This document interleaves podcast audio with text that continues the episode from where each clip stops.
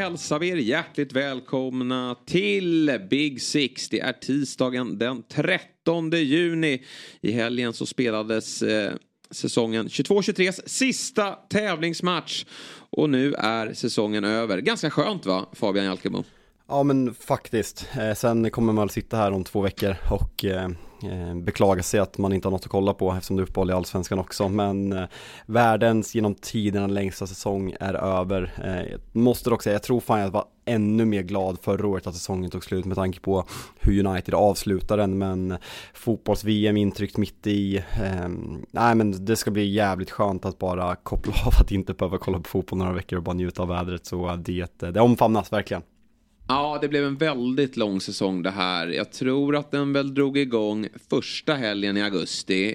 Till nästa år så kommer den dra igång andra helgen i augusti, som den brukar göra då. 12-13 där någonstans, vilket är ju ändå ganska snart. Det är bara två månader dit och man kommer ju såklart vara sjukt taggad när det, när det sparkar igång. Men jag tycker det är skönt att det dröjer ytterligare en vecka och sen kommer den också att avslutas tidigare eftersom vi har ett eh, mästerskap också i eh, Tyskland, fotbolls-EM eh, nästa sommar. Så att en lite mer komprimerad säsong. Förhoppningsvis då Eh, så, så blir det inte massa uppskjutna och konstiga matcher på grund av att någon kunglighet går och dör utan en mer normal säsong. Men herregud, det har ju hänt mycket och vi ska eh, till en, en eh, liten säsongssummering eh, i, i slutet av avsnittet. Men framförallt då så måste vi ju eh, prata upp eh, den sista tävlingsmatchen. Inte vilken match som helst utan det var ju alltså Champions League-final i Istanbul där Manchester City hade möjligheten att eh, upprepa det Manchester United lyckades med säsongen 98-99 99, nämligen att ta trippen. Och eh, inte särskilt överraskande så lyckades man ju med det. Men det som sticker ut det är ju att det absolut inte såg bra ut och att det var väldigt nära att man sumpade det här. Ja, det, fan jag vet inte om jag kommer låta som en alltså dålig förlorare eller någonting. Men jag har ju fasat för att City ska vinna den här trippen. Men sen när de väl vann, alltså jag, jag kände ingenting. Alltså jag vet inte Nej. om det är för att City är City. Alltså hade Liverpool gjort det hade förmodligen gjort fruktansvärt mycket ondare. Men att City Ja men att man stod anklagade för de 115 regelöverträdelser man gör, att man har fått pengarna på det sättet man gör, att man inte känner så många supportrar och de supportrarna man känner är inte så högljudda som vissa andra lags är. Ehm, för jag, jag har fan inte känt någonting. Eh, vad, vad, vad, har du känt som en neutral här när, när du har sett liksom eh, firandet och, och allting? Nu har ju inte jag något eh, lag i Premier League så det finns inget agg mot City eh, på så sätt eh, som, som har grundats i eh, som, som barnsben då. Men, men eh, däremot så är det klart att de här fuskanklagelserna någonstans alltid finns där i bakgrunden och att man, man gärna skulle vilja reda ut det eh, och, och liksom komma fram till ett, ett, ett, straff för City. Sen brukar det alltid vara så här att, eh, sen är jag ju väldigt fascinerad av City, alltså det, det är väl ingen hemlighet jag, jag tycker att Pep Guardiola är världens bästa fotbollstränare och att ett Pep-lag är det, det mest fascinerande att kolla på. Det är inte alltid klockrent, det är inte alltid det stämmer, men, men eh, över tid och även höjden i, i Peps lag har alltid varit otroligt häftiga. Otroligt häftigt att se. Sen men, men när City spelar, och det har vi ju blivit så under våren, jag vet inte hur, om man hänger på sociala medier så som Twitter då. Jag vet inte hur många matcher det bara öses på med, med eh, superlativer när City är igång och spelar för att det är en, en, en fotboll som man i stort sett aldrig har sett tidigare. Det, det, är på så, det har varit en otrolig höjd. Och, och det uteblev ju verkligen i den här finalen. För jag, jag, jag, kan inte minnas, eh, eller jo, eh, alltså hösten var ju ganska svag från City. Man kom inte riktigt upp i nivå, ändå var man ju inte allt för långt efter Arsenal. Men man var ju sämre i höstas och man gjorde en del plattmatcher.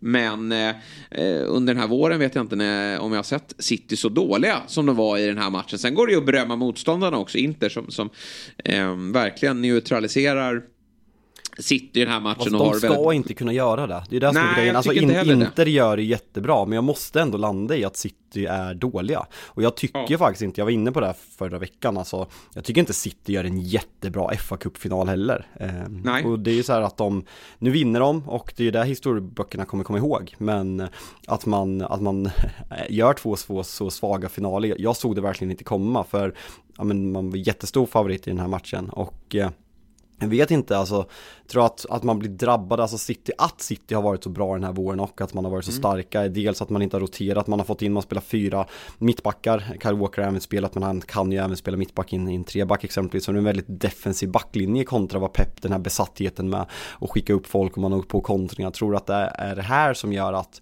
ja men när det inte flyter så kanske man blir lite mer baktunga än vad man kan vara för det, det har blivit ett framgångsrikt och tyngre Manchester City än vad man någonsin har sett i, ja men i, vi behöver inte ens säga Manchester City, vi kan säga pepplag. Mm. Ja, jag vet inte riktigt vad det är som, som gör att det inte riktigt lossnar. Men jag håller med att FA-cupen var inte, var inte klockren. Sen var det ett bättre United City då. Men sen vet vi att förberedelserna har varit lite, det har varit lite kämpigt för dem. De, de eh, fick en del skador efter säsongen och inte haft spelare i form. Och sen är det den här långa väntan också. Jag tror att när, när City var som bäst här i, i april, då, då var det ju match var tredje dag. Det spelade liksom ingen, man, man fick alla eh, spelare i form. Det spelade ingen roll vilka man, man slängde ut där ute. Eh, och, och sen så blev det bara helt eh, fantastiskt bra. Men, men det, det, är klart att det sticker ut också att en sån som Haaland då, han har gjort ett mål senaste åtta matcherna. Och eh, det, det, är ju faktiskt häpnadsväckande siffror när vi pratar om en spelare som har gjort en sån makalöst bra säsong och där han är Ja, men när han inte gör mål då blir han ganska osynlig även om han har ju förbättrat sitt spel ute i, i, i, utanför boxen. Men det är ju framförallt målen som, som eh, kännetecknar honom och uh, i den här finalen så har ju han liksom alla andra offensiva spelare uh, stora problem och mm, jag tycker liksom City kommer typ aldrig in i någon bra period heller. Får väl något lite tryck ibland liksom men det, det är ju inga superlägen och, och jag har känslan när jag ligger i soffan ganska trött Eh, jag ville verkligen inte ha en förlängning för jag var verkligen trött. Jag var ute kvällen innan och kände att jag orkar inte 120 minuter och straffläggning här. Men eh, till slut så gör ju Roddy det här 1-0 målet. Stor glädje, man, man märkte det på firandet att, att City verkligen, det var, det var, det var lättnad. Vi, vi pratade inför den här matchen att för Inters del handlar det om att stå emot första 20. City är väldigt bra i, i matchinledningen oftast. Och det gäller att, att stå emot där. Det, man klarade ju det utan några som helst problem. Man stod emot första 60 och då var det verkligen en, en kändes som en transportsträcka till förlängningen. Men så kommer Citys mål där, lite från ingenstans. Och då får man ju också en, en, känsla av att Inter har ju inte heller hotat jättemycket framåt. Så då, då, då är det ju ganska givet att det ska sluta 1-0. Även om det absolut hade kunnat eh, bli ett 1-1 mål med tanke på att Inter ändå får några riktigt farliga chanser mot slutet. Men nej, jag, jag tycker att det, det är märkligt att City över 90 minuter är så, så svaga och vad det beror på. Om det var de här finalspökena som letades in i, i skallen på, på de här spelarna som har varit så bra under en så lång tid. Eller om det var att man, man har tappat formen under uppehållet. Det, det är ju svårt att veta. Mm. Ja men det, det, det, är en konstig final som du säger, alltså som, som någorlunda neutral, alltså det är ju en Liverpool-Tottenham med fan där uppe med att vara otroligt tråkig match som, som neutral, ja. men det var ju som du sa, man hoppades ju nästan, men alltså såhär Lukaku, jag, jag har alltid haft svårt för Lukaku, lite drabbat av hans misslyckande i Manchester United, hans kommentarer och allting, men att han Alltså han kommer in i paus, eller när det är i Belgiens avgörande gruppspelsmatch mot, eh, mot eh, Kroatien i VM i Qatar och missar allt. Nu kommer han in i minut ja, 55-60 och han blir skjuten på på mållinjen och han missar, alltså ett öppet mål. Alltså, Lukaku, snälla, mm. snälla, ja. snälla, snälla. Nej, men alltså det är, han har ju verkligen gett eh, målsumpandet ett eh, eh, ansikte. Så det är ju... Eh, Nej, det, det är ju sorgligt för det, alltså, det, han har gjort mycket mål i sin karriär. Alltså, det är ju inte en spelare som... Eh, det är ingen, det är inget dåliga, inga dåliga siffror på, på Lukaku. Verkligen inte. Men han kommer till väldigt många lägen och han har ju fått i, i så här, viktiga matcher så har han visat sig eh, vara ganska eh, oskarp då i, i de avslutande momenten. Och, och jag tycker nästan lite synd om honom på den här nicken. Som är ju den är ganska bra nicken. Alltså han, han, trycker ner den i backen. Sen är den ju såklart för mycket mitt på. Men hade den där gått mellan benen så hade man hyllat avslutet. Han, ja. han har ju otur, men det är ju så med, med målsumpar. Det är klart att han, hade han missat bollen då hade man ju skrattat högt. Men, men han får den på mål. Han drar ner den i backen. Men det är ju en, liksom en, en, en makalös räddning. Även om den också går under kategorin lite turlig. Ja, men det, det, det, är ju jävligt små marginaler. Eh, måste, måste även prata, jag, fan, jag har varit provocerad när man ser liksom folk på Twitter och Instagram när KDB liksom drar, om det var framsidan eller baksidan och folk börjar skicka ut mjukglass-emojis och liksom säga att han viker ner sig, att han fejkar skada, alltså kan folk bara dra åt helvete? Alltså på, på den nivån är det. Tror ni seriöst att Kevin De Bruyne fejkar en skada i en Champions League-final. Alltså man kan inte spela om ett, om ett framlår går. Han säger att han har spelat halvskadad i två månader och att det liksom, det är snabbt. och det är säkert med anspänningar också. Och alltså, jag är så jävla trött på det här narrativet för att folk ska samla och få lite likes på Twitter för att man ska vara lite skön och ifrågasätta KDB. Det är så jävla dåligt. Ja, jag håller med och jag tar på mig lite faktiskt i, i, i, av det för att jag är där och skriver saker när han gör det bra. Alltså, jag, jag behöver inte skriva något, vi som vet hur bra han är. Eh, liksom, han är en, en storspelare och, och sen kan inte man vara absolut överlägsen i alla de, de stora matcherna. Eh, och att folk skulle mena på att han går sönder för att han har svagt, att han är svag mentalt. Det fattar jag ingenting av. Nu, nu verkar det dessutom som att det var ganska allvarligt här. Att han, eh, rapporten är att han missar säsongsinledningen för City. Så det, det, är ju en eh, muskelskada som ju eh, har lite med att göra nog att han har spelat väldigt mycket matcher. Vilket jag förstår att han har gjort. För att han, det har varit ett intensivt läge av säsongen. Han hade väl lite strul också. Han var en av de här spelarna som, som tog det lite lugnare mot slutet av säsongen när allting blev klart.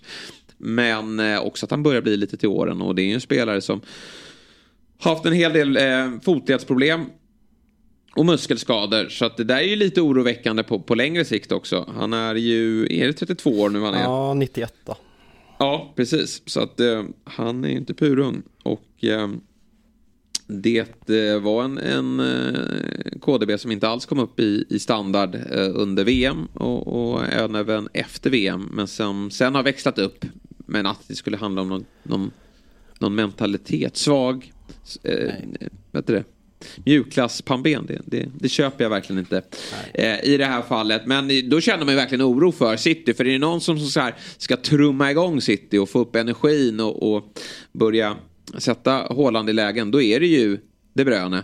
Men eh, när han kliver ut och Phil Foden kommer in, då, då känner man att eh, med tanke på Citys matchinledning att det här kommer inte gå. Men då kliver en annan spelare fram eh, Rodri som vi har ju, och det var ju väl fint på något sätt att han får avgöra med tanke på vilken makalöst bra säsong han har gjort. Ja men jag tycker nästan att han, ja men det är ju lite hipsterigt att hylla Rodri eh, Men att han dessutom gör, har gjort viktiga mål och kommer fram i den här rollen tycker jag Ja men han har fått en ny dimension i sitt spel när han även har börjat göra en del mål. Eh, och eh, såklart roligt för honom, men, men känslan var verkligen, jag, jag drog en parallell till, det här känns lite som när Mohamed Salah skadade sig mot Real Madrid, när Liverpool spelade sin första Champions League-final om det i Kiev. Eh, när Sergio Ramos drar honom i armen och Liverpool-supporterna ville få det till att det var medvetet, eh, vilket är typ den sämsta spaningen jag någonsin har hört.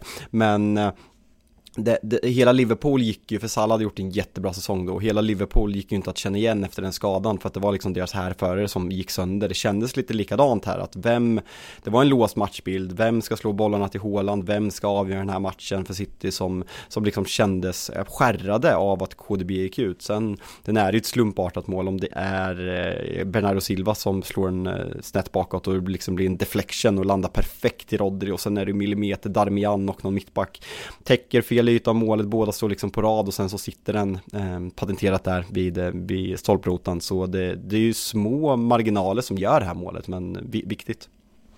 Ja, nej, så är det definitivt. Och eh, Pep står ju efter matchen och blir intervjuad i en ganska charmig intervju då, vad heter studion nu då, där eh, Henri och eh, Carragher och Richard står CBN, CBS, något i den stilen. Ja, något sånt där. Ja, det, det, är ingen som kan ha missat det, för det, det blir eh, ganska många virala klipp från, från den härliga stämning som de skapar i den studion. Och det är ju Pep inne på också, att han har ju tagit del av det på Twitter. Eh, att eh, den här, det här är väl den roligaste studion när det kommer till just eh, Champions League då, och, och, det gillar ju de att höra, Henri och Richard som skrattar högt där. Men då är ju Pep inne på att, eh, han får ju fråga vad de har förbättrat och han tycker att eh, de har blivit, eh, alltså dels att de har fått in den här striken då, men, men det han vill lyfta fram det är ju att de är bättre på att försvara sitt egen, sin egna box eh, med de här mittbackarna. Och det är väl det som sticker ut med, med Peps förvandling av det här laget, att han, att han har spelat eh, han har tagit upp någon back i, i, på centralt mittfält. Det gjorde han ju ofta med, med Cancelo och sen så Rico Lewis och sådär. Men det här med att han har fått fram John Stones där och, och kunnat spela fyra mittbackar i, i, eh, i försvar och, och sen skjutit fram ytterligare någon i, i offensiven. Det är ju det som gör Pep så unik. Att han hela tiden utvecklar sitt lag och att det hela tiden någonstans blir eh, till det bättre. Och det är, han är också inne på det att, här, att vinna ligan, det är jag en mästare på. Där är han... Eh, han är inte fel. Med all rätt, med all rätt lite kaxig. Det är liksom, typ, jag, jag löser över 38 omgångar men, men, Champions League är så otroligt svårt och han är inne på det. Liksom, vad händer om Sané sätter sitt eh, friläge på, på Etihad och, och vad händer? Det är så små marginaler hela tiden i Champions League. Man möter så bra lag och det är så få matcher. Det är två matcher när det ska avgöras. Sen kommer man till en final. Förlorar mot Chelsea ganska nyligen i en final. Det är en match kan man alltid förlora här och där. Eh, och, och, då gäller det att hela tiden vara eh, på, på topp. Och det har han ju varit här i både FA-cupen och nu Champions League. Så det, är, det är bara att lyfta på hatten för detta eh, makalösa Manchester City. Men då blir det ju såklart frågor kring framtiden också. Vad händer här nu och hur ska Pep utveckla det här laget? Och har han motivationen att fortsätta trumma vidare? Ja men det tror jag fan att han har, för det finns inga alternativ. Alltså folk pratar ju om att han ja, men vill erövra Serie A, men jag ser inget lag. Juventus är för stora frågetecken, Allegri kommer nog stanna. Eh, vad finns det mer för alternativ? Xavi har gjort det bra i Barcelona. Bayern München kommer han inte gå tillbaka till Thomas Tuchel och landslag är han inte redo för. för han, han, känns fortfarande för besatt att han vill påverka spelare. Så jag, nej men jag, jag ser inget slut på det här. Jag, för han har inget bättre att göra och jag ser verkligen den här motivationen. Sen vi pratade lite om det förra veckan med, med mittfältssituationen. Gundogan säger efter att han inte har bestämt sig kring sin framtid. Bernardo Silva lär få lämna, ju stannat två år trots att han har upp, uttryckt sin vilja att, att lämna för att han inte trivs i Manchester. Om dessutom KDB ja, men, riskerar att missa försäsongen och börjar komma upp i åren kommer nog bli lite mer skador, måste matchas mer försiktigt. Det är ett mittfält som behövs byggas om ganska rejält. Sen Pep kommer väl få Calvin Phillips att vara topp tre i världen nästa år. Det gör han ju alltid i år två, så är det ju. Ja, men precis. Det är många av de här spelarna som, som eh, man är nyfiken på. Den här Cole Palmer kommer säkert explodera snart och, och Julian Alvarez, om han accepterar mm. en säsong till. Alltså det, där är det ju, oavsett hur mycket han utvecklar dem, det är svårt att hitta speltiden just nu om man ska vara nia. Det är klart att han kan vara i den här lite mer han har ju spelat bakom Håland också. Eh, men jag tror ändå att så här, De Bruyne ska väl förhoppningsvis orka att, att spela de flesta utav matcherna nästa säsong så är det svårt att hitta Alvarez i, i eh, en central roll i City. För det är nog ändå där han vill vara. Jag tror inte han eh, vill vara ute på en kant och eh, han har säkerligen intresse runt omkring sig. Där tror jag liksom att många klubbar ute i Europa kan liksom anmäla sin... För, alltså, de, de anmäler nog en intresseförfrågan på just Alvarez. För det kan ju absolut vara som så att han värdesätter speltid. Eller så vill han fortsätta jobba med Pep för att han vet att det då i slutändan kommer bli en väldigt bra spelare utav honom. Men eh, ja, det är klart att det finns alltid frågetecken då med, med spelare som, som lämnar. Och eh, vilka man får in. Kovacic är ju vi nyfikna på här då. Det känns ju på förhand som en väldigt bra värvning. Det är en jättebra värvning. Eh, och det är där som, alltså Laporte vill också lämna. Så det är det ombyggnation i sitt som kommer ske och det känns inte som att det ryktas jättemycket. Så det blir, det blir kul att se. Förresten, vi måste ju bara ta det innan vi lämnar City. Eh, Englands landslag samlas i eftermiddag. Tror du att Jack Grealish kommer få en ja. dräger upp i käften och blåsa eller? Ja, men det här är ju eh, den stora snackisen ändå efter den här finalen. Alltså vi var en slätstruken final och, och City vann som förväntat även om det blev mer jämnt än vad vi trodde. Men eh, Jack Grealish firande har ju ingen missat. Och det är ju, jag, jag läste precis innan jag satte mig i studion här, eh, Petter Landén då, vår gode vän som är journalist på Expressen. Och han har ju Eh, rubriken Därför är bilderna på en full Jack Grealish fotbollsvärldens vackraste. Och jag Eh, Eh, utan att eh, ha hunnit läsa den vet ju precis vad han är inne på här. Att i den, alltså, de idrottarna som slår igenom idag, de är ju på alla sätt och vis 100% professionella. Och, och, och då sköter de ju även, trots när de har vunnit saker, så sköter de sitt firande på ett ganska tråkigt och perfekt sätt. Det är klart att vi har sett glada fotbollsspelare där ute, men man ser ju att alla har full kontroll på läget och de flesta vet ju att det är ett, det är ett landslags Eh, uppehåll som väntar härnäst. Och, eh, ja, lite tråkigt så, så, så, tar man det ganska lugnt här med, med sitt firande. Men inte Jack Grealish. Han har ju blåst på fullständigt efter slutsignal. Och jag tycker det är, äh, det är så underbart. Det har ju vänt det. Först kanske man kände bara att men nu får det nästan lugnare. Vad, vad säger Pep om det här? Men sen, eh, man älskar det ju. Ja, man, man tänkte så här, fan har han, har han lärt sig lite? För det var efter förra året när de vinner ligan, när han står där och bara och, och, kan knappt prata och börja håna Almiron eh, som man fick äta upp när Almiron gör en dunder, dunderhöst. Men det här är ju en nivå till. Och eh, ja men de möter ju Malta borta på fredag. Frå, ja, känslan är att han inte startar. Nej, han gör nog inte det. De har ju ganska, eh, de har ju ganska många spelare på just eh, de positionerna. Jag bara, det, vilken, vilken fullträff det här blir. Jag vet inte om du har sett det, men det finns ju ett konto som heter eh, Drunk Jack Grealish. Eh, och det har ju funnits Ska fan sedan en lång tid. Direkt. Ja, det, man måste nästan göra det för att få en summering av allting eh, som har hänt här de senaste dagarna. Gå in och följ det kontot, för det, det finns väldigt mycket eh, bra videos från, från de senaste dagarna. Och, och, det kontot startades ju inte den här helgen, utan det har ju funnits sedan tidigare. Han har ju ett eh, erkänt säga bra eller dåligt ölsinne? Nej, jag säger bra. Han, han verkar ju sköta sig. Eh, vilket är det viktiga här någonstans. Han är glad och, och berusad. Han har, han har ju den där egenskapen att se så fullständigt utskjuten och alltså ja. snorfull ut, fast, fast på ett så här älskvärt sätt. Ay, shit vilken körning det är på det här eh, kontot. Alltså de, de finaste klippen som har kommit upp är när han står till Bernardo Silva och bara please don't go, please don't go. Och när han, när, när han har en bärs ovanför och ser, han ser ju typ påtänd ut när han står och kör med munnen för att han vill ha bärsen hälld av en, en lagkompis. Det är, det är total gåshud faktiskt. In och följ ja, kontot. Jag älskar det redan och jag har följt det i 30 sekunder.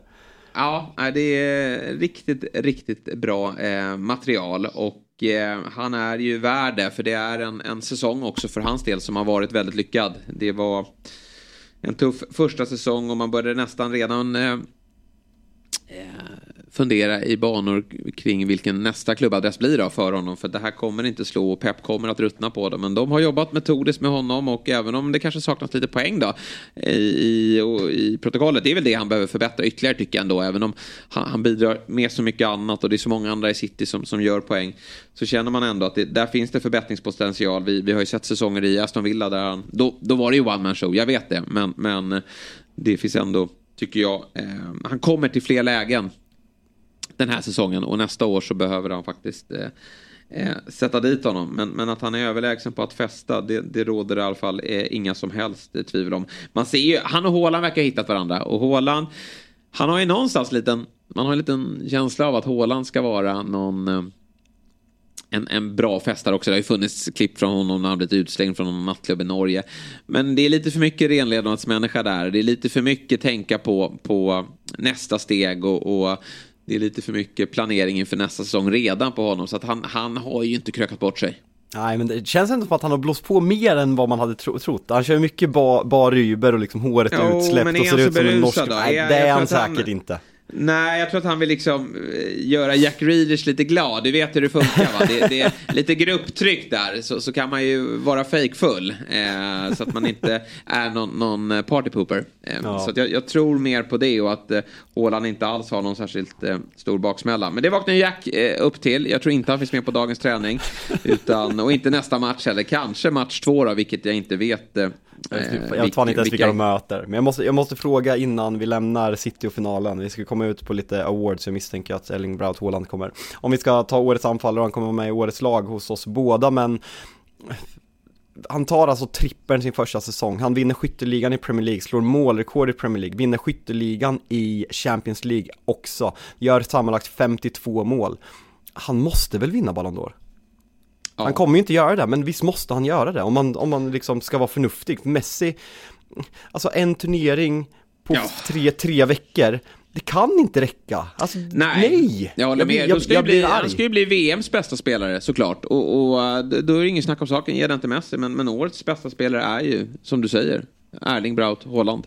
Det är mm. han som ska ha den, men eh, det blir högst troligt inte så. Och det Ja, det urvattnar ju det här priset som, som eh, ja, man inte har mycket till övers för. Men det är ändå en liksom, intressant diskussion. Jag tycker det ska finnas ett, ett, pris för vem som är säsongens bästa spelare i, i världsfotbollen. Och för mig är det självklart då när du har tagit trippen och vunnit två skytteligor.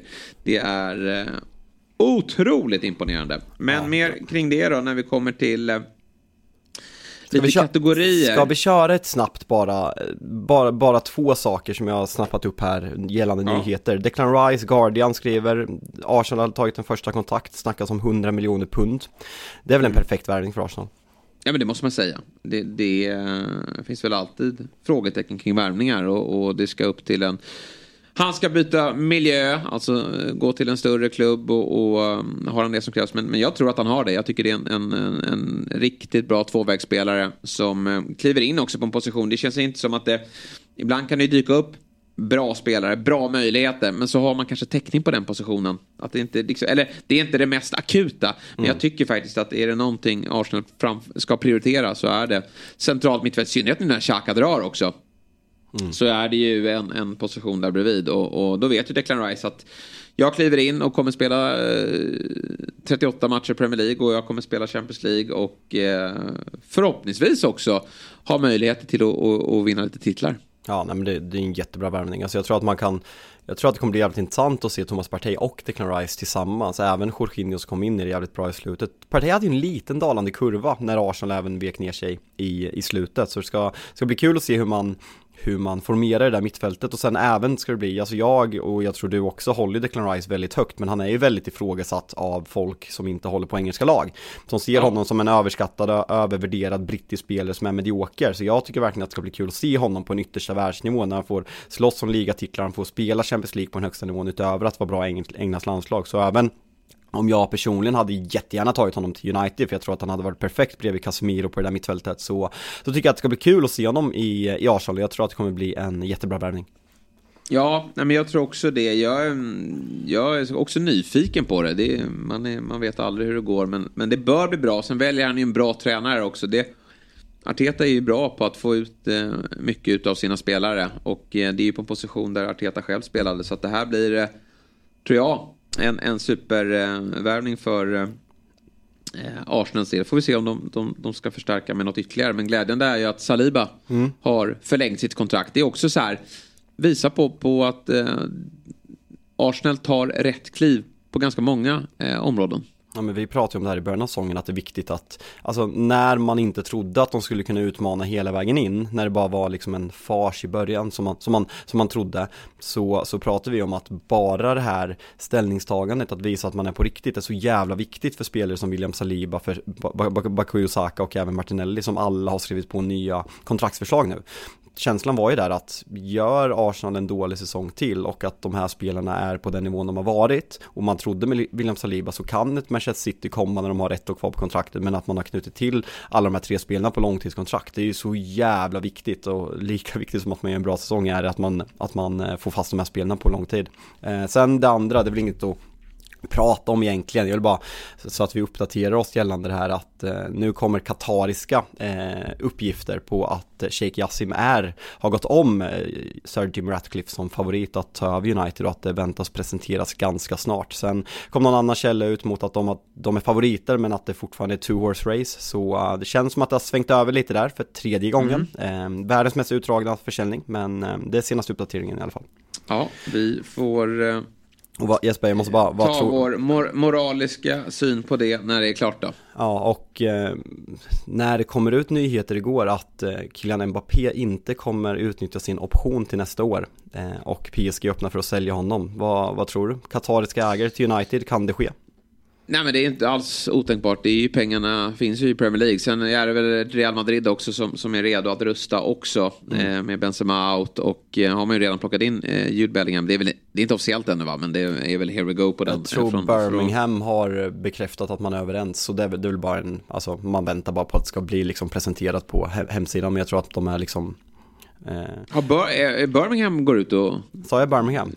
Ja. ja, han har ju spelat där så... Ja, men det var det jag tänkte Nej, jag, jag, menar Dortmund. Jag, ja, jag menar Dortmund. Ja. Nästan samma. De hade, de hade en stor klausul här att de var nöjda med att få in, eh, få in lite pengar. Eh, Nej, det, jag tyckte inte alls det lät otänkbart. Det är, som, okay, det är sommar och såsigt och varmt. Då säger man sånt ja. där skit.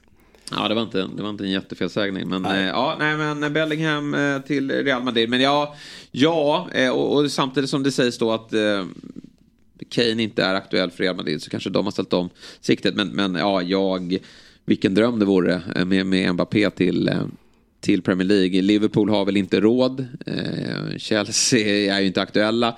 Det är ju, eh, jag, jag skulle säga Manchester United eller Newcastle.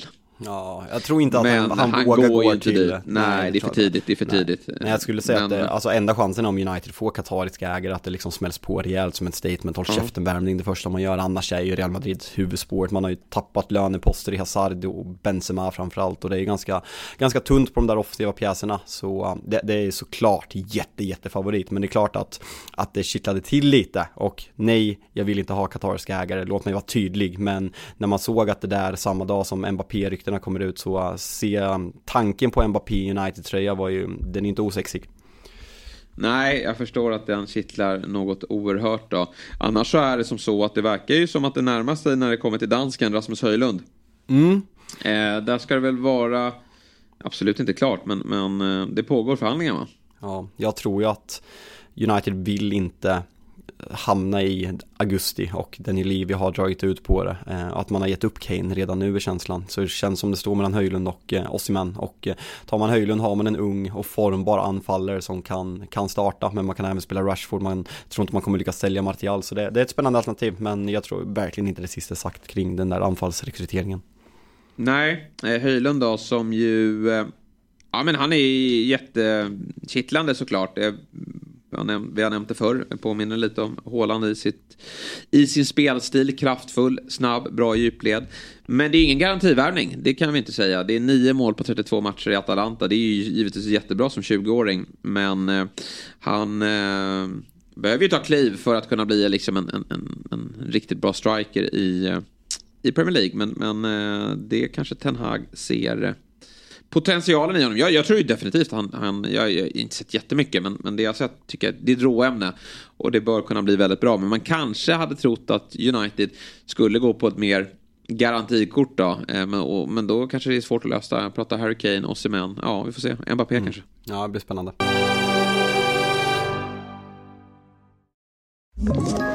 Ett poddtips från Podplay. I fallen jag aldrig glömmer djupdyker Hasse Aro i arbetet bakom några av Sveriges mest uppseendeväckande brottsutredningar. Går vi in med hemlig telefonavlyssning och, och då upplever vi att vi får en total förändring av hans beteende. Vad är det som händer nu? Vem är det som läcker?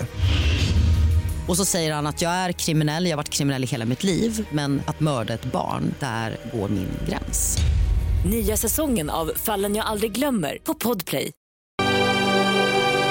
Eh, I övrigt då, vad har vi mer att ta i en nyhetsväg? Tillemans till Aston Villa va? Sa ja, vi det sist? Nej, jag tror fan inte. Det är, off det är officiellt va?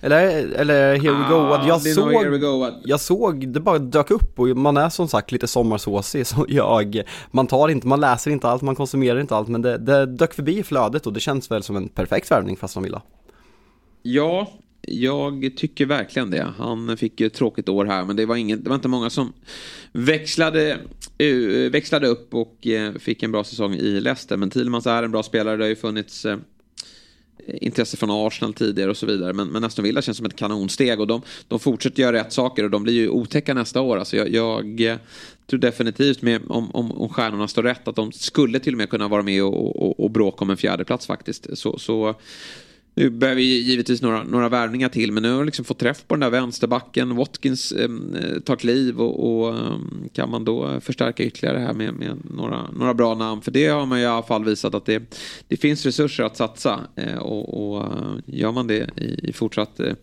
med fortsatt lyckat resultat så, så kommer det att eh, bli spännande att följa. Mm. Det är officiellt ser nu. Det är officiellt. Ja, det är så. Ja, mm. riktigt bra värvning från, från Villa eh, istället för den här John McInn.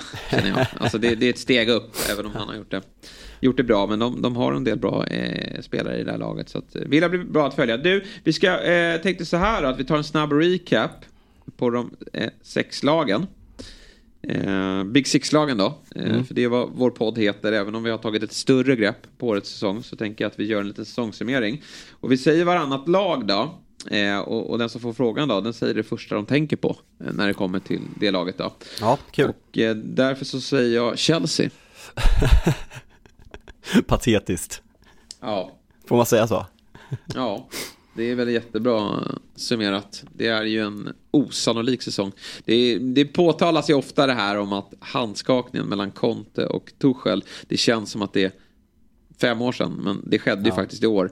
Och, och, där och då så kände man ändå att Chelsea var ett lag att, eh, någonstans räknar med den här säsongen. Men, men startskottet, startskottet blev väl när man bytte ägare. Men, men raset började väl när, när Tuchel skulle lämna laget. Ja, det var ju verkligen känslan. Alltså Todd Bowleys hela, hela sommar satte ju på något sätt Alltså satte ju status på hela, hela säsongen och sen så var det Tuchel där. Man börjar dåligt, man har mycket skador, man har mycket skador på Chilwell och eh, Rhys James. Potter kommer in, det flyger inte från början, mycket otur. Och sen bara blir det en ond spiral som bara fortsätter och fortsätter och sen gick det ju så. Nej men det är ju den största underprestationen i Premier Leagues historia skulle jag nästan säga. Eh, alltså vi, man kan vara van att se det i i allsvenskan, alltså vi ser stora jättar som AIK och Blåvitt nu som, som ligger där de gör. Men allsvenskan, det vet vi, alltså Malmö kan komma sjua.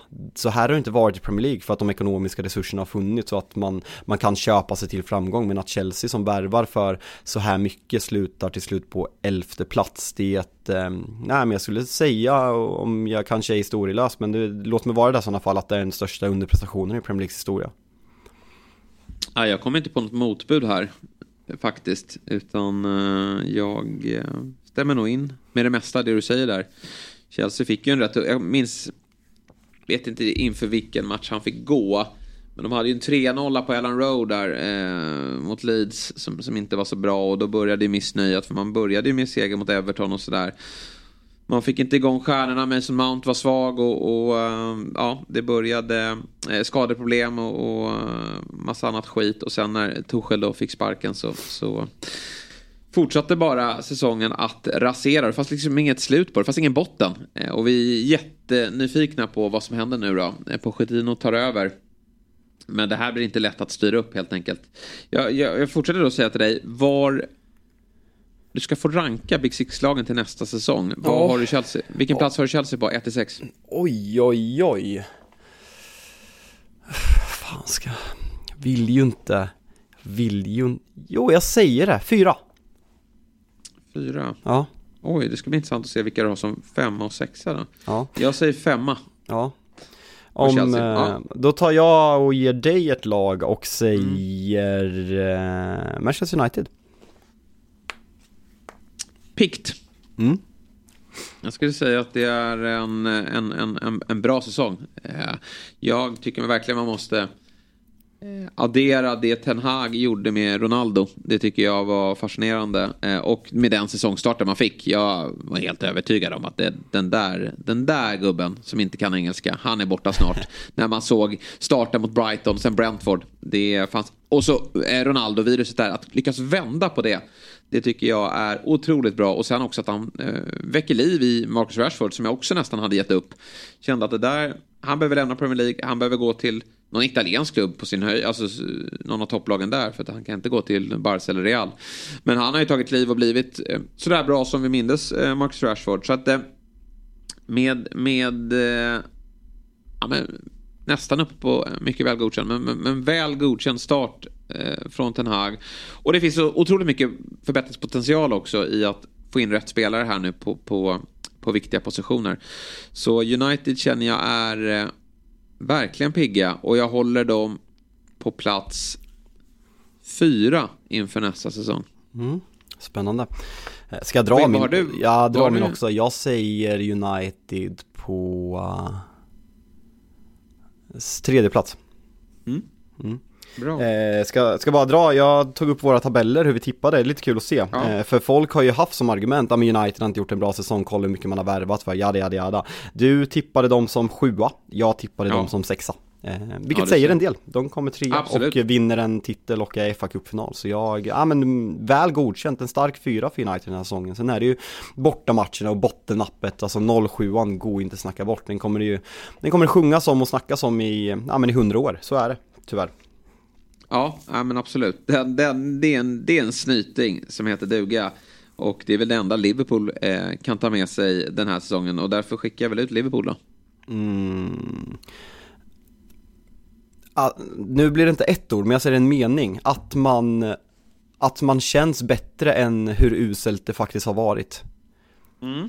Alltså att man, tack vare den här avslutningen, jag, jag fortsätter på min harang här, men trots den här, alltså den här avslutningen har ju räddat upp Liverpools eh, säsong jättemycket, för det var uselt, alltså du, du, du pratar om den här hur mycket man har förbättrat sig eller hur mycket man har försämrat sig kontra förra årets poängproduktion och Liverpool alltså 25 poäng sämre. Man är, Chelsea är väl etta på 30, alltså Liverpool är nästan lika dåliga sett i förra säsongen som som Chelsea är som kommer på elfte plats och eh, nej men hela liksom backlinjen, Trents havererande höst, van Dijk som inte har gått att känna igen, hur loj han har varit och Allison har varit lagets bästa målvakt. Jag håller honom bättre än Mohamed Salah. Ehm, jag tycker att det på något sätt har pratats för lite. Jag i tabellen här framför mig, det är ju inte så jävla charmigt för mig. Jag tippar Liverpool som etta. Eh, man avslutar förra säsongen helt otroligt. Man får in David Nunez, man eh, får in Luis Diaz förra året som avslutar jättebra, Jota.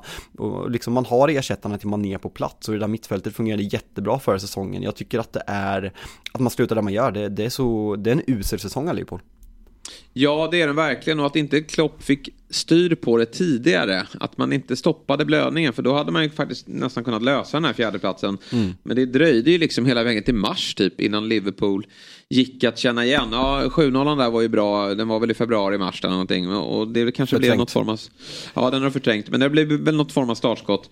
Och, och um, det är några värvningar som inte eh, blir lyckosamma. För det, det går inte att säga att Nunes har varit det. Sen finns det ju tid att hem, liksom, att återhämta eh, sig för honom. Och, och, det finns säkert några som är kvar i den där hörnan. Jag vet inte riktigt var jag befinner mig när jag, när jag pratar om Nunez. Men det, det är en miljardvärvning och eh, han måste få ordning på sina fötter när han kommer till avslut för att det där ska kunna räknas hem. Men eh, jag tycker att det, det, är mycket som har varit skit i Liverpool. Sen är ändå avslutningen hoppfull och eh, det är framförallt inför, inför nästa säsong då. Spelare börjar hitta tillbaka, Jota är tillbaka, Luis Diaz är tillbaka. De måste få en bra försäsong här nu. Och eh, eh Trent Alexander-Arnold ser bättre ut. Få in en, en mittback, vilket det pratar om. De vill få in en vänsterfotad mittback. McAllister är där, ska väl in ytterligare någon mittfältare. Turam så, ryktas ju ganska mycket även om jag har dålig, dålig koll på honom. Och sen såg ja, jag nu även. Han är ju landslagsman nu och ja. han, han eh, nej, men det verkar vara något extra såklart. Så mm. får vi se. Jag såg jag även att, eh, att Pavard ryktas. Han kan ju spela både högerback, vänsterback och mittback. Så det vore ju en, en väldigt ja, bra, bra värvning för att täcka på egentligen alla, alla kanter. Simikas, vi får se vad som händer med honom. Högerbacken finns det ingen backup till när Milner är borta. Jo Gomez är för dålig. Så det, det hade varit en väldigt fin alltså, rot, rotationsvärvning på alla, alla positioner där. Hade ju varit häftigt att, att liksom spela Pavard till höger och, och, stå för omskolningen. Den, ja. den totala omskolningen på Trent. Eh, Absolut. Från start. Vi får se hur, eh, hur Liverpool tänker. Men eh, det kommer att hända grejer där och, och säkert ska, ska några spelare. Det är redan försvunnit några med utgående kontrakt. Då. Jag säger Liverpool. Alltså tredje plats av Big Six-lagen eh, till nästa säsong. Jag säger två. Mm. Mm. Då är det din tur att skicka ut lag då. Eh, då säger vi, eh, du ska få ett rövgäng du också, Tottenham. Ja du. ska, ska jag bara säga innan nej, vad vi... Inte ett rätt, inte ja, ett rätt. Nej. Vi har tippat om trea båda två. Ja.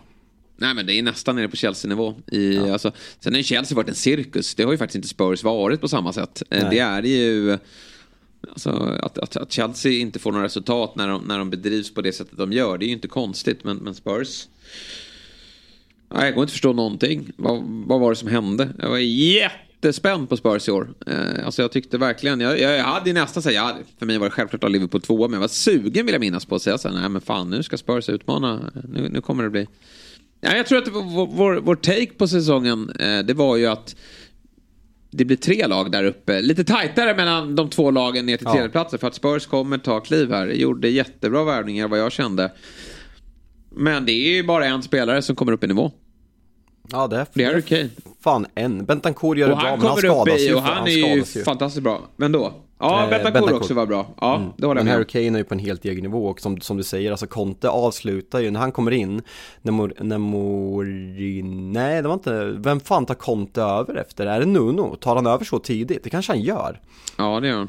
Visst gör han det, men han, han, mm. han har ju ett väldigt bra poängsnitt när han kommer in och vänder om det här Tottenham. Som du säger, han får in Bissoma, han får in Perisic, han får in Richarlison, Dejan och Bentancourt liksom fortsätter. Så det var ju verkligen man trodde att det skulle ske något, något nytt, för man avslutade förra säsongen jättebra, så det är ju en, jag tycker ju att det pratas för lite, lik Liverpool, nej men hur otroligt usel säsong Tottenham gör och det är ju, de kan ju tacka Chelsea. Det är lite som, som att Bayern kan tacka AIK och IFK Göteborg. Nu fortsätter jag med allsvenska referenter, jag ber om ursäkt ja, till dig som är AIK-supporter. Ja, men, det... nej men Bayern får ju tacka, Bayern får ju tacka de andra två storklubbarna för att det inte snackas så mycket om hur jävla usel säsong Bayern har gjort.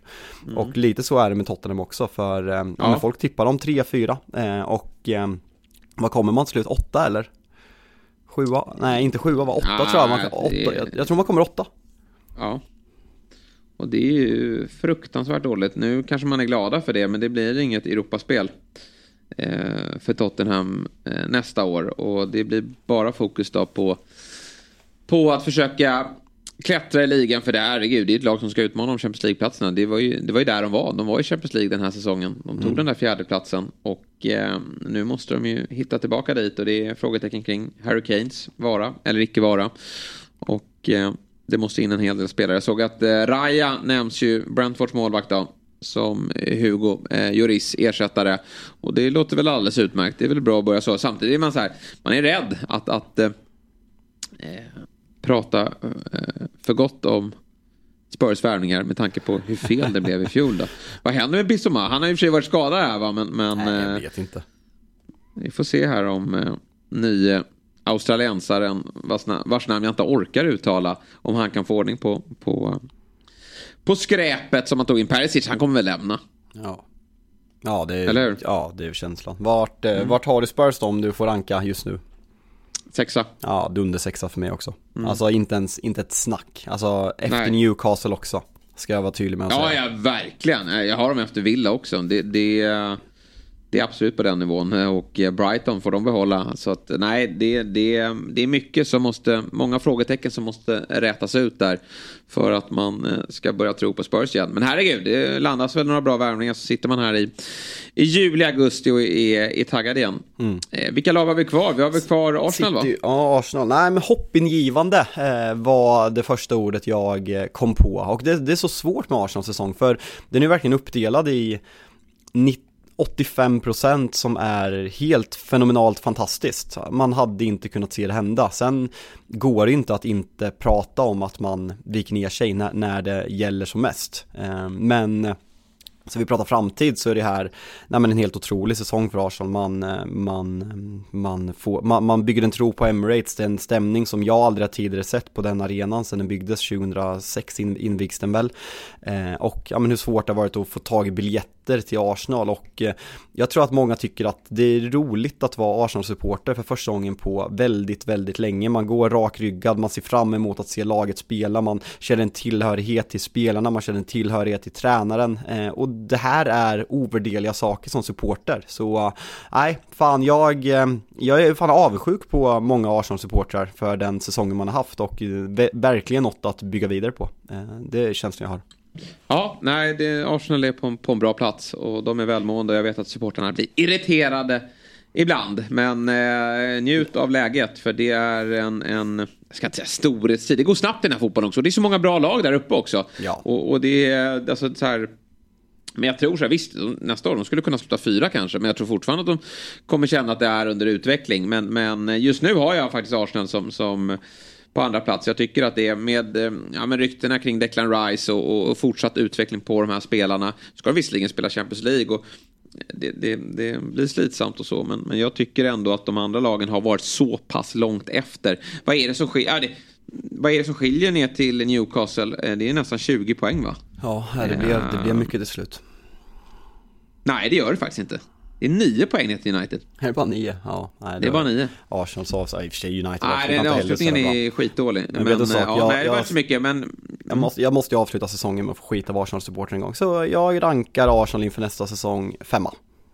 Oj, oj, oj. Mm. Mm. Den kommer mm. du få äta upp tror jag. Nej, nej jag tror inte, alltså jag, jag, jag tror att Champions League kommer påverka jättemycket. Alltså man har ju fått en gratis säsong, man har spelat i stort sett 38 matcher som har, har hjälpt någonting. Nu, nu ska man in i Champions League, man får en helt annan press på sig, plus att Liverpool gör en klappkass-säsong, Chelsea gör en klappkass-säsong, de kommer bli bättre. Jag har ett ja, men, fruktansvärt stort förtroende för Jürgen Klopp som tränare. United kommer få nya ägare, eh, Ten Hag kommer bygga vidare på sin första första jävligt bra säsong. Eh, så därför, och det är inte för att jag tror att Arsenal kommer vara dåliga på något sätt, man kommer troligtvis vara, kanske inte lika bra, men man kommer fortsätta se utveckling. Men jag, jag tror att nivån kommer höjas fruktansvärt av alla klubbar nästa år och därför, jag får inte in någon annanstans än på femte plats. Mm. Eller jag skulle, okej okay, det är lite, man skulle kunna vara fyra men för Chelsea det, det, är lite kul att sticka ut lite också. Ja, och få lite arga supportrar efter sig. Så ja, vi får se med Arsenal. Jag eh, har goda förhoppningar på det. Men det kommer vara alltså, jättesvårt när man ska sätta sig och med förhandstipsen till nästa säsong, det är klart att det, det klarnar väl ut när lite nyförvärv och så trillar in och, och ja, man, man låter sig luras av lite förslagsmatcher och så kommer den här Community Shield-matchen också, där du ska eh, bli lurad också. Eh, så att det, det hinner eh, Arsenal, Arsenal City, hända va? saker på vägen. Ja, Arsenal City blir det. Mm. Vi hade Arsenal som eh, trea, trea, fyra båda två, eh, ska vi säga också. Just det. Mm. Nej, men det var ju ändå, det var ju inte alla som var, trodde på det. Att Nej. de skulle ta sig till Champions League. Så det var väl en, eh, även om vi inte... Du hade West Ham som sexa. Var så järva. Oj. Ja, den är... Leicester ja, nia. Otroligt alltså. Va? Ja, men, eh, alltså, West Ham 6 är ju verkligen riktigt då. Vad hade jag Brighton? Eh, Brighton hade du 12 och jag mm. 13, eh, så det var inte mm. steket. Mm. Nej, jag fattar, jag fattar. Ja, men då är det väl bara ett lag kvar va? Och det är Manchester City och vi har ju pratat så mycket om dem. Det är svårt att, det är en maskin, det är väl det ordet man tänker på. Och eh, det är framförallt framtiden man är nyfiken på. Därför det här året har varit enastående. Pep fick äntligen sin buckla. Och man är ju såklart solklara favoriter hos alla till nästa säsong. Men sen är det väl det här med mättnad och sånt där som man inte, det, det mentala i att, att studsa tillbaka och, och kliva upp på hästen igen. Det får vi se hur de hanterar, men förmodligen gör de det alldeles utmärkt. Kanske lite trögstartade i början och sen så är de som bäst när allting ska avgöras. Och eh, ja, jag, jag välkomnar verkligen en, en ny ligamästare. Jag börjar bli lite trött på det här, men jag tror att det eh, sker först när Pep har lämnat eller när dom faller. Ja, nej, det är ju verkligen känslan och det är ju Nej men man vill ju inte att vi ska bli ett Bundesliga. Eh, för känslan är ju, vad har de nu? De har väl fem av de sex senaste ligatitlarna va? Och dessutom prenumererat på ligacupen, nu tar man FA-cupen och även Champions League och det är väl inget som tyder på att något ska ändra där för man är så fruktansvärt bra. Man har världens bästa tränare, eh, man har bäst finansiella eh, resurser i hela världen. Eh, så nej, deppigt men eh, så är det. det. Man kan imponeras av City också men man kan tycka att det är tråkigt som supporter. Mm. Det finns ju andra lag då, som vi inte nämner nu då, men Newcastle kommer ju definitivt vara med och bråka om eh, topp fyra. Finns det något lag underifrån som skulle kunna... Alltså, Brighton eh, kommer ju vara bra. Brighton och Villa ska ju bli kul att se bygga vidare ja. med Serbi och Unai Emery när de får hela säsonger och även ett um, transferfönster. Sen Brighton, hur mycket McAllister redan lämnat, Caicedo lär väl lämna också, har blivit lovad att lämna. Uh, hur ersätter man dem? Jag har ju förtroende för att man kommer göra det, men uh, det är klart att det är tufft i deras bästa spelare på pappret måste vi ändå säga.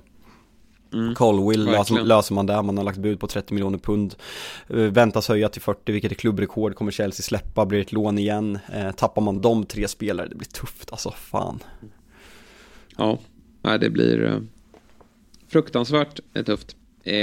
du, årets målvakt?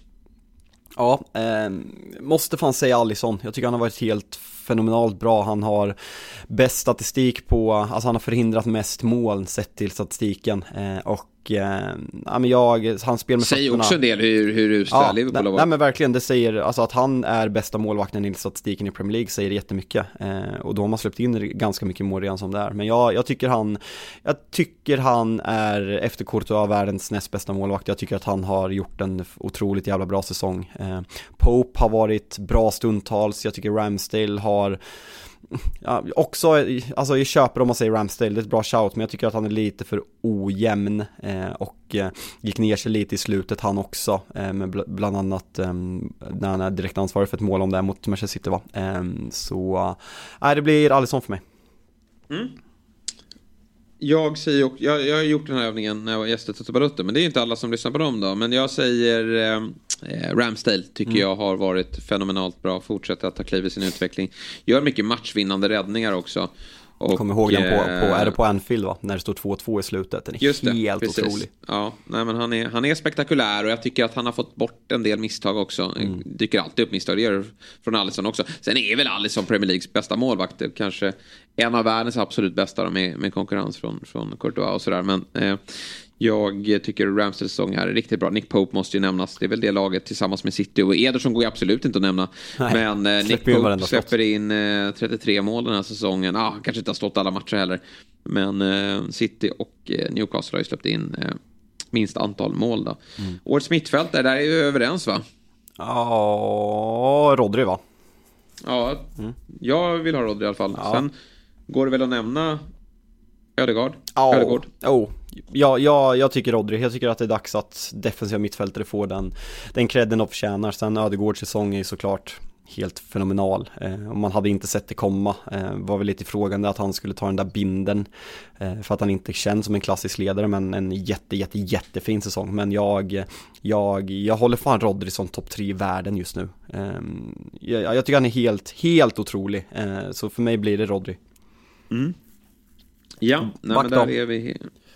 Ja, jag gick på mittfältare direkt. Ja, du hoppar över backen. Ja, jag sket i backen. Ja. Svårare där, men eh, ska man inte säga Saliba? Ja, nej, jag gör inte det. Eh, nej. Det är mer att eh, jag, jag tycker att Citys båda mittbackar, om nu John Stones är en mittback, eh, Stones och Diaz, håller jag som gör att de gör en bättre säsong. Men jag går ändå på John Stones, för jag tycker även att, oh. även om man går upp och spelar inverterad mittback, eller vad man nu ska kalla, kalla det på mittfältet, så är han i grund och botten en mittback. Han spelar mittback när City försvarar, så jag tycker att han fortsatt måste gå som mittback och jag, jag tycker att han har gått från att vara lovande eh, jävligt länge och en hög högsta nivå till att bli Citys eh, nummer ett, vilket han aldrig har varit och det känns som att om folk bara vågar se utanför att man har svårt för brittiska spelare överlag så är han en av världens absolut bästa mittbackar just nu, kanske rent av den bästa den här säsongen i hela världen, så jag, jag säger John Stones. Mm. Eh, jag säger inte emot vilken spelare, alltså det är ja. häftigt att se utvecklingen eh, på honom. Eh, anfallare då, det är ja. väl också... Nej, det, de här kategorierna är ganska klara känns som. Alltså, ja, alltså man, vill ju säga, man vill ju säga Kane, jag vet att du när Resa Tutto hade som årets prestation, eller om det var, eh, och det, det, köper jag ju, mm. men eh, det går ju inte att säga att det inte är Håland. Sen kan man ju säga att det är starkare av Kane att göra 30 pissiga Spurs än vad det är av, i, än vad det av Håland att göra 36 i City, men eh, Hålands eh, ja, men självklarhet, hans eh, alltså power, hans ja, men besatthet av att göra mål, det, nej, det, han ska få den respekt han förtjänar så det, det är faktiskt en no-brainer. Ja, anfallars primära uppgift är att göra mål och han har gjort flest, ja. även om Kane har gjort väldigt många han mer av. Jag, måste fråga, jag måste fråga dig när vi går över på tränare, alltså så här, alla de andra är ju vem som är bäst. Tränare är så här, ja men jag har sagt Marco Silva och, och sådana saker, man pratar om De Serbi, men ska man inte bara säga vilken tränare som har varit bäst? Så det är ju Pep. Alltså han är ju en bästa tränare, han har inte gjort den bästa prestationen i Premier League i år, men han är ju fortfarande den bästa tränaren. Mm. Alltså det är ett svårt, jo, först, jag... förstår, förstår du vad jag menar? Alltså, Absolut, jag, ja, ja. alltså prestationsmässigt, Pep var favorit, han vann ligan. Eh, Han blev utmanad av Arsenal, det var ingen som trodde. Så rent krasst är ju De Serbi bättre, Marco Silva är bättre, Unai är bättre. Kanske till och med Erik Ten Hag är bättre, Arteta är bättre. Men samtidigt, bäst tränare är ju Pep Guardiola. Så jag, jag tycker ja, det är ju världens bästa tränare. Ja, det är luddigt pris. Men jag vill lyfta fram Eddie Howe ändå, tycker jag ändå Om jag, vi ska ta alla de här. Det är ju många som har gjort häftiga hantverk i år. Alltså lyckats med eh, små medel, det kanske är fel att säga. När det kommer till Eddie Aura, det finns en ganska bra plånbok Gans, med. Ganska men, små medel. Men man trodde att det skulle vara större medel då. Men nej, jag tycker att Newcastle spelar så jäkla attraktiv och, och rolig fotboll. Och, och eh, ja, hemma på St. James' Park när de bara blåser på och, och sätter klorna i sina motståndare. Eh, och det är lite så här... Det är revansch för, för hans del. Han var nästan uträknad efter att ha fått dojan i Bournemouth och var utan jobb en, en längre tid. Tog sig an ett Newcastle med i enorma problem så har han lyckats ta dem på ett och ett halvt år. Med pengar, men eh, det är många andra lag som också har pengar. Det får man inte glömma när man pratar om Citys prestation och annat också. Att det, finns, det spenderas ganska mycket pengar där ute. Ja, bland eh, olika lag. Och eh, Eddie Howe, jag är väldigt förtjust i hans fotboll. Det där är en framtida förbundskapten, eh, säger jag. Eh, för, för, för England. Mm. Eh, fint att avsluta med lite Southgate-hat här i slutet också. Det är en ja, följetong genom Big Six. Ja. Ska vi skita i årets lag? Det mesta är väl sagt va? Ja. Det är väl, alltså, ja. Alltså, det är så här, alltså de, ser li, de ser likadana ut. Det är inte ja, så jävla kul. Ja, de gör kul. ju lite det. Det, är så här, det, det som är lite svårt det är hur man vill formera sitt mittfält. Jag hade ju spelat en, för du måste ju nästan ha med Kane och Haaland. Och då kan ja. man ju ha Kane i en så här tia-roll, lite droppande där. Och då är det så här, där kanske man vill ha in Ödegård. Men då får man väl i sådana fall flytta ner honom bredvid eh, Rodri då.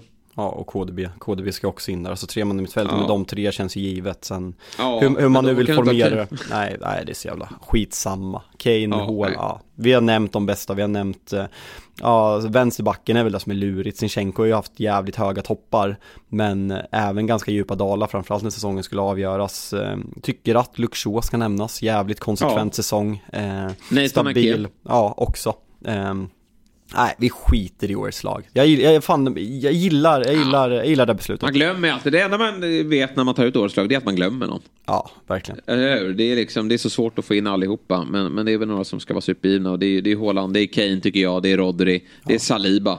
Ja. Eh, och sen så... Villa in Lisandro alltså.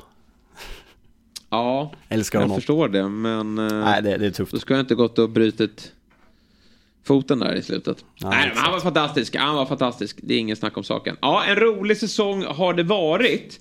Och nu ska ju faktiskt vi göra som så att vi ska, vi ska tacka eh, för i år och vi ska även tacka av dig för gott. För eh, Fabian Jalkemo, du lämnar Big Six och tar dig vidare på nya äventyr. Mm, så är det. Vemodigt mm. såklart. Eh, det har mm. varit en jävligt rolig, alltså dels rörlig bild men framförallt det här året när vi har kört i poddform har varit ja. otroligt jävla roligt.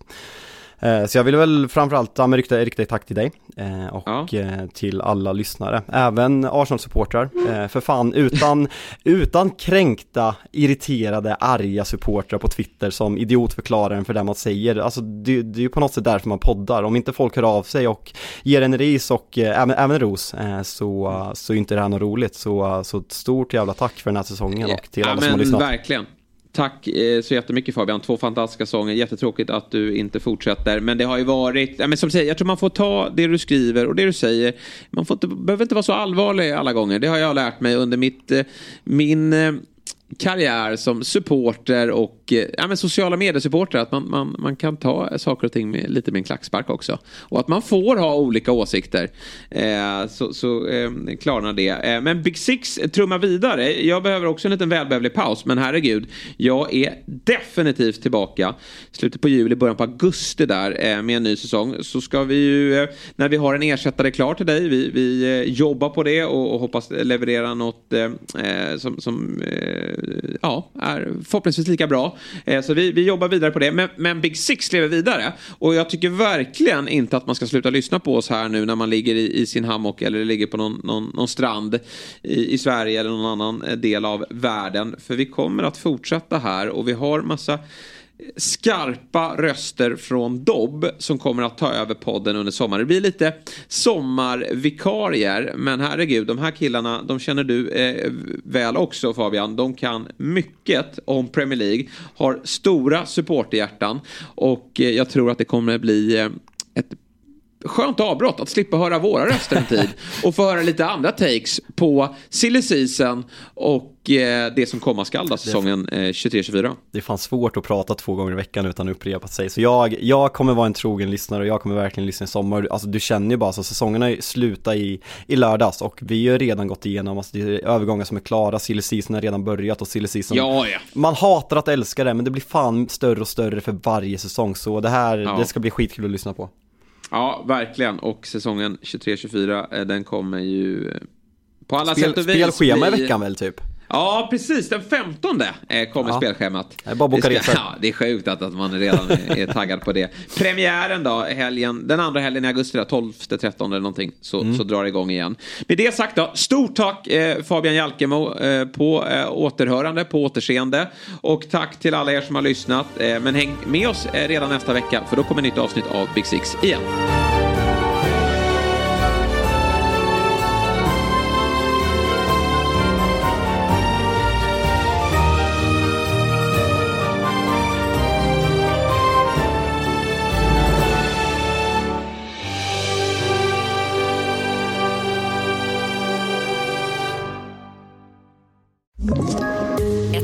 Poddtips från Podplay.